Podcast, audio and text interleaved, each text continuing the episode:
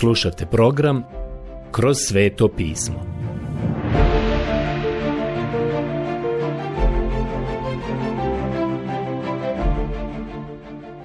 Knjiga Postanak.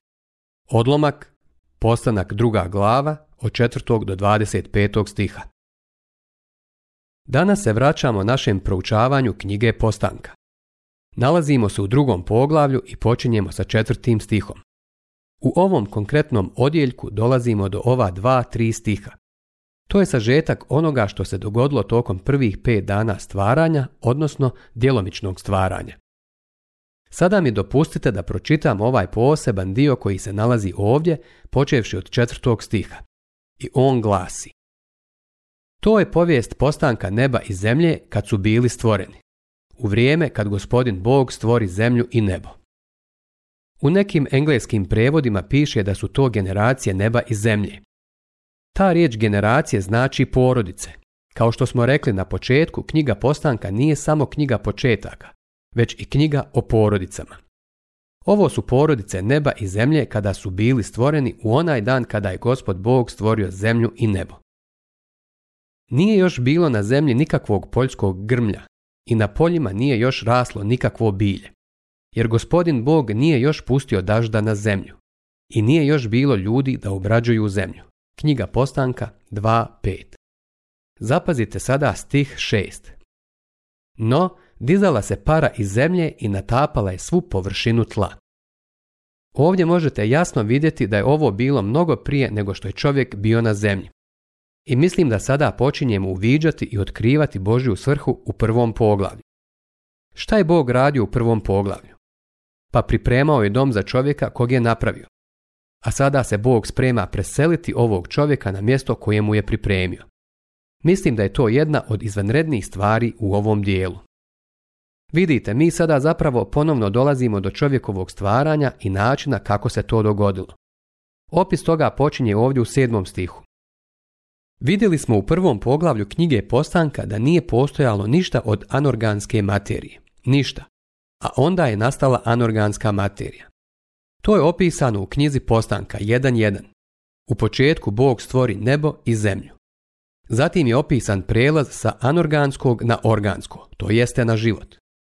To smo vidjeli u prvom poglavlju gdje piše da je Bog stvorio velike morske nemani i nakon toga sav drugi biljni i životinski svijet. On je stvorio životinski život. Neko će da kaže, pa zar nije stvorio biljni svijet?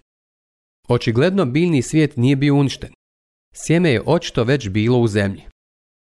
Ne bih želio biti dogmatičan u vezi s ovim, ali čini se da se to da zaključiti ovdje.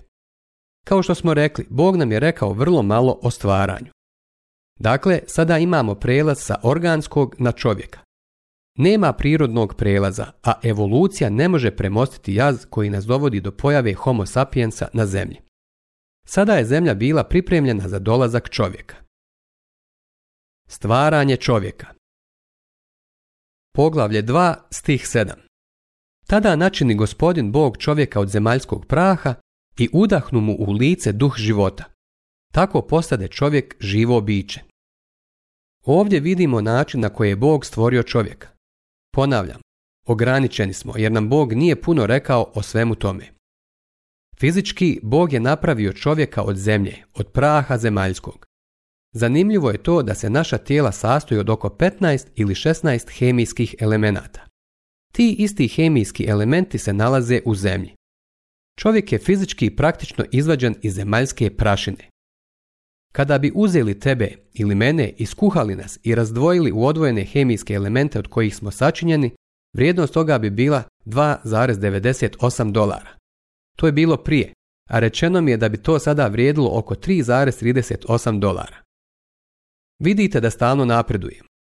To je ono koliko vrijedimo, jer smo fizički izvučeni iz zemaljske prašine. Da li vidite da je čovjek više od zemaljske prašine? Fizički, on je prah i u prah će se vratiti, ali njegov duh ide Bogu. Zašto? Jer mu je Bog u nosnice udahnuo dah života i čovjek je postao živa duša. Šta je to Bog udahnuo u njega? Pa dah života. Bog je dao čovjeku život koji je fizički, usput rečeno i psihološki.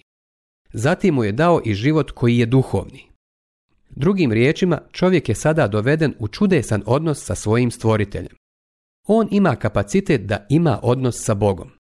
On to ima u svome biću. Koliko znamo, to čovjeka odvaja od svih drugih stvorenja koja nalazimo u Božijem svemiru. Naravno tu su i anđeli, ali vjerujte mi da i o njima znamo vrlo malo. Sada, dok se krećemo kroz ovaj odjeljak, vidimo da je Bog stvorio čovjeka. Teistički evolucionisti kažu da je to bila evolucija do ovog mjesta, a da je onda Bog uzeo ovaj proizvod evolucije. Želim vam reći da bilo koja teorija evolucije ne može objasniti ljudski govor. Ne može objasniti ljudsku savjest niti ljudsku individualnost. Ovo su tri stvari sa kojima evolucija ima malo poteškoća. Vrlo je lako uzeti kosti čovjeka i usporediti ih s kostima nekog drugog čovjeka, vjerovatno majmuna ili čak s kostima konja.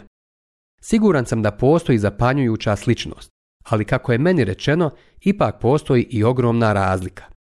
Ipak, ja bih očekivao određenu sličnost jer se ta bića trebaju kretati u istom okruženju kojem se i mi ljudi krećemo. Naravno da osnova ili kostur moraju da budu slični. Postoji vrlo upečatljiva sličnost između šasije automobila Ford i šasije automobila Chevrolet.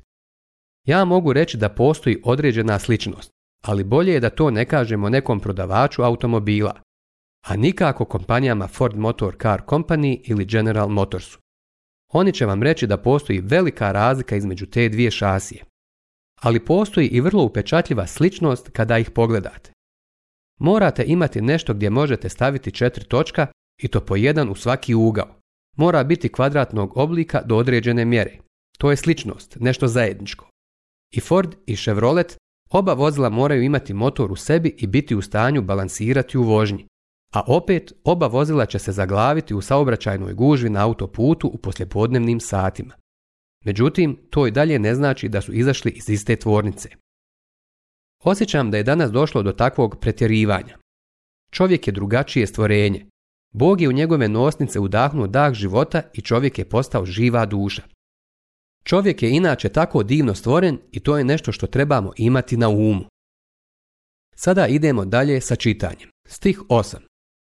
Tada zasadi gospodin Bog daleko na istoku vrt u Edenu i stavi tamo čovjeka kojega je bio načinio. Knjiga Postanka 2.8 Ne mogu vam reći gdje se nalazi rajski vrt, Siguran sam da je negdje u dolini Eufrata i Tigrisa. Zapravo to može biti i čitava ta dolina. Ta je dolina izvorno bila veoma plodno mjesto i još uvijek jeste. Ona je dio zelenog polumjeseca, plodnog polumjeseca. Jedno izvjesno vrijeme tamo nisu sadili ni žito. Samo bi ga ubrali. Samo je raslo. Vjerovatno će to područje ponovno postati centralno mjesto na zemlji.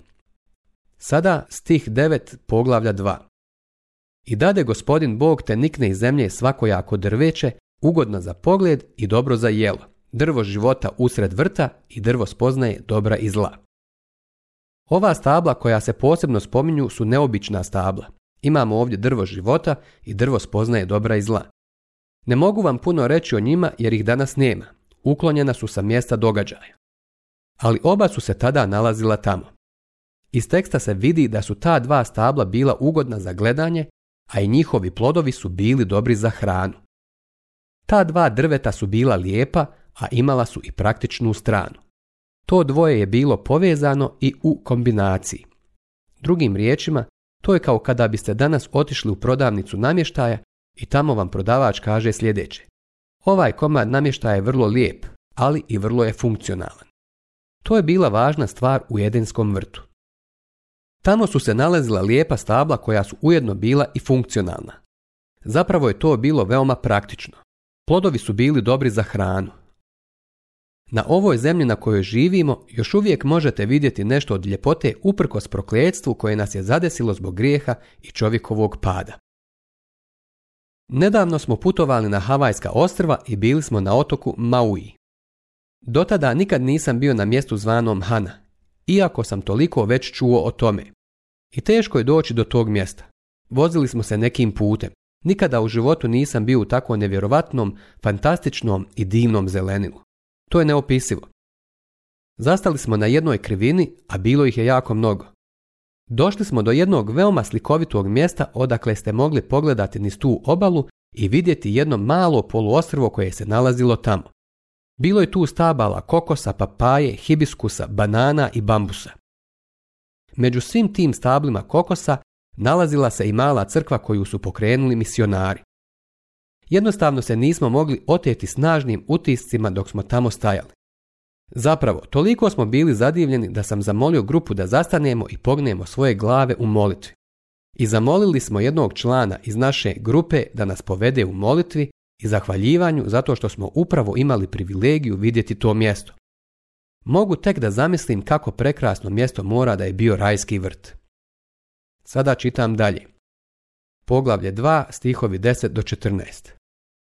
Od Edena dolazila je rijeka da natapa vrt i ona se kod izlaza iz njega dijelila u četiri rukavca. Prva se zove Pišon. Ona teče pokraj cijele zemlje Havile, gdje ima zlata. Zlato je te zemlje izvrsno. Tamo ima i bdelija i oniksa kamena. Druga se rijeka zove Gihon. Ona teče pokraj cijele zemlje Kuš. Treća se rijeka zove Tigris. Ona teče istočno od Ašura. Četvrta je rijeka Eufrat.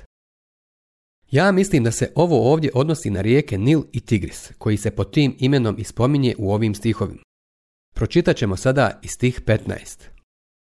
Uze dakle gospodin Bog čovjeka i stavi ga u vrt Edenski, da ga obrađuje i uzgaja.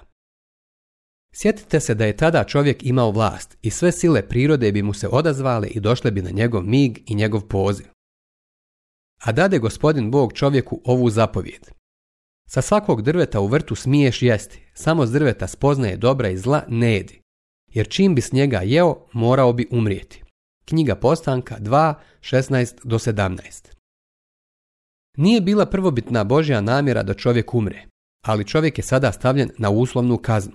Vidite, čovjek ima slobodnu volju, ali privilegija uvijek sa sobom donosi i odgovornost. Ovo je istinita izjava koju uopšte i ne treba dokazivati. Tom čovjeku koji je dobio slobodnu volju mora se dati test da se vidi hoće li poslušati Boga ili neće. Plodovi sa drveta spoznaje dobra i zla nisu bili otrovni. Mislim da je to bilo najbolje voće u vrtu ali onog dana kada ih čovjek okusi, umrijeće. Sada kada govorimo o čovjekovoj smrti, sjetite se da je on trojstvo i morao bi umrijeti na trostruki način. Prvi čovjek nije fizički umro i više od 900 godina nakon ovog događaja, ali Bog je rekao da će umrijeti tog dana. Smrt znači razdvajanje. Možete biti sigurni da je umro onog dana kada je jeo plod sa drveta spoznaje dobra i zla, jer je bio odvojen od Božje duhovnosti. Sada čitamo. Tada reče gospodin Bog, nije dobro čovjeku da je sam. Načinit ću mu pomoćnicu koja mu pristaje. Knjiga Postanka 2.18 Bog je na neko vrijeme ostavio čovjeka samog u Edenskom vrtu kako bi mu pokazao da ima potrebu, da mu treba neko ko će biti sa njim. Zatim je zapisano sljedeće. I dovede gospodin Bog sve životinje zemaljske i sve ptice nebeske što ih je bio učinio od zemlje pred Adama, da vidi kako će ih nazvati. Kako Adam nazove živa bića, onako će se zvati. Knjiga Postanka 2.19 Ja vjerujem da je taj čovjek morao biti veoma pametan da imenuje sve životinje. Jedan čaljivđe je rekao da kada je Bog Adamu doveo slona i upitao ga kako ćemo nazvati ovog, da mu je Adam odgovorio, pa on više liči na slona nego na bilo šta drugo. Pretpostavljam da je tako. Adam nadjenu dakle imena svoj stoci i pticama nebeskim i svima životinjama zemaljskim. Ali se Adamu ne nađe među njima pomoćnica koja bi mu pristajala. Knjiga Postanka 2.20 Ovdje se spominje pomoćnica koja bi mu pristajala. Ona je trebalo da bude pomoć za Adama, neko komu pristaje i odgovara. Drugim riječima pomagač kao njegov pandan. Njegova druga polovina. Muškarac je samo pola čovjeka dok se ne oženi i mislim da je to veoma važno vidjeti. Nisam ovdje da promovišem brak, ali bih ipak rekao da je to Božja namjera i za muškarce i za žene. Žena je upotpunjenje muškarca. Zapazite šta je Bog učinio. Zato gospodin Bog pusti dubok san na Adama. Kada je bio zaspao, uze mu jedno rebro i ispuni mjesto opet mesom. Knjiga Postanka 2.21 Žena je uzeta od Adama. Jedno rebro je uzeto od Adama. I kao što je dr. Matthew Henry rekao prije mnogo godina, Bog nije uzeo dio glave kako bi mu bila nadređena ili od nogu da mu bude inferiorna, nego ju je uzeo sa strane da bude jednaka sa njim, da bude zajedno sa njim. Upravo je to njena svrha jer ona treba biti druga polovina muškarca. To je ono što je Bog mislio kada je rekao, žene, slušajte svoje muževe. Žena je odgovor na muškarčevu nepotpunost. Žena je drugi dio muškarca druga polovina njega. Bez nje muškarac je samo pola čovjeka. Gospodin Bog načini ženu od rebra što ga je bio uzeo Adamu i dovede je Adamu. Knjiga Postanka 2.22 Vjerujte mi, ta žena je bila prelijepa. Svaka žena koju danas vidite da je lijepa, naslijedila je svoju ljepotu izvorno od majke Eve jer nema ljepote koju ona nije posjedovala u sebi. Bila je lijepa kao lutka. Sada je ona postala Adamova druga polovina. Adam povika. Ta je napokon kost od mojih kostiju i meso od mojega mesa. Ona će se zvati mužica jer je uzeta od muža. Knjiga Postanka 2.23 I zapravo je riječ žena na hebrejskom vrlo slična riječi muškarac. Iš, muškarac i iša, žena. Jako je slična muškarcu, samo je drugi dio čovjeka. Ona treba da odgovara muškarcu. To je razlog zašto je Bog namijenio muškarca da preuzme vodstvo. Njega je prvog stvorio. Ženu je stvorio da ga upotpuni i da ga slijedi. Muškarac je inicijator i napadač. I Bog ga je čak i fizički učinio takvim. On je napadač. A žena je ona koja reaguje. I nemojte mi reći da žena mora voljeti svoga muža. Bog to ne kaže. Bog kaže da ona treba reagovati na njegovu ljubav. Ako joj kaže volim te, onda će mu ona odmah uzvratiti istim riječima volim te. Ona treba da mu odgovori. Kada mi danas neki muškarac kaže, a s vremena na vrijeme neko mi to kaže, znaš moja žena je vrlo hladna, to je znak da on zapravo nije takav muž kakav bi trebao biti. Jer ako bi on bio pravi muž, ona bi reagovala na to jer je on taj koji treba preuzeti vodstvo. Zato ostavlja muž oca i majku i prijanja za ženu svoju i budu jedno tijelo. Knjiga Postanka 2.24 Drugim riječima, on je sada predan svojoj ženi u smislu da je odgovoran za nju i više nije pod kontrolom oca i majke. Oboje, Adam i njegova žena, bili su goli, pa ipak se nisu stidjeli jedno pred drugim. Knjiga Postanka 2.25 Mislim da su bili prekriveni nekom vrstom slave koja je svijetlila. Želim reći da mislim kako je ovo najljepši i najdragocijeniji izvještaj o stvaranju žene i muškarca. Ovdje vidimo par koji je Bog zaista spojio. Postoje određene stvari za koje mislim da je Bog dao svom narodu i u vezi toga bismo mu trebali biti poslušni. Bog je dao brak ljudskoj rasi. Nažalost, to je jedna od stvari koje ljudi danas pokušavaju odbaciti. Rastrgnimo njihove okove, i zbacimo sa sebe njihov jaram. Psalam 2.3 Šta čovjek pokušava učiniti? Pokušava se riješiti Boga. Prijatelji, ljudi se žele riješiti Boga jer je Bog taj koji je uspostavio brak. U ovom poglavlju imamo nešto zaista prekrasno. Imamo stvaranje čovjeka. Vidimo gdje je čovjek bio postavljen i smješten, čime se bavio i da imao određene odgovornosti. Imao je potrebu za družbenicom i tada je Bog stvorio ženu. Mora postojati istovjetnost između muža i žene a Bog kaže muževima, muževi volite svoje žene. Ovo je priča o stvaranju. Čovjek koji je bio kapelan u zatvoru u Nirnbergu pričao je o posljednjim danima koje je proveo sa tim ljudima. Jedan od tih ljudi je bio i Herman Gering i ovaj čovjek je govorio i o njemu. Rekao je u vezi njegove posljednje večeri sljedeće. Te posljednje večeri oko 8.30 imao sam dugu seancu s Geringom, tokom koje je on ismijavao priču o stvaranju, ismijavao božansko nadahnuće svetog pisma i otvoreno negirao određene kršćanske osnove. Manje od dva sata kasnije počinio je samoubistvo. Želim reći da je jedan od načina da se riješimo današnje alarmantne stope samoubistava taj da se muškarcima i ženama da do znanja da su Božja stvorenja i da su odgovorni svom stvoritelju koliko je samo to važno. Do sljedećeg puta.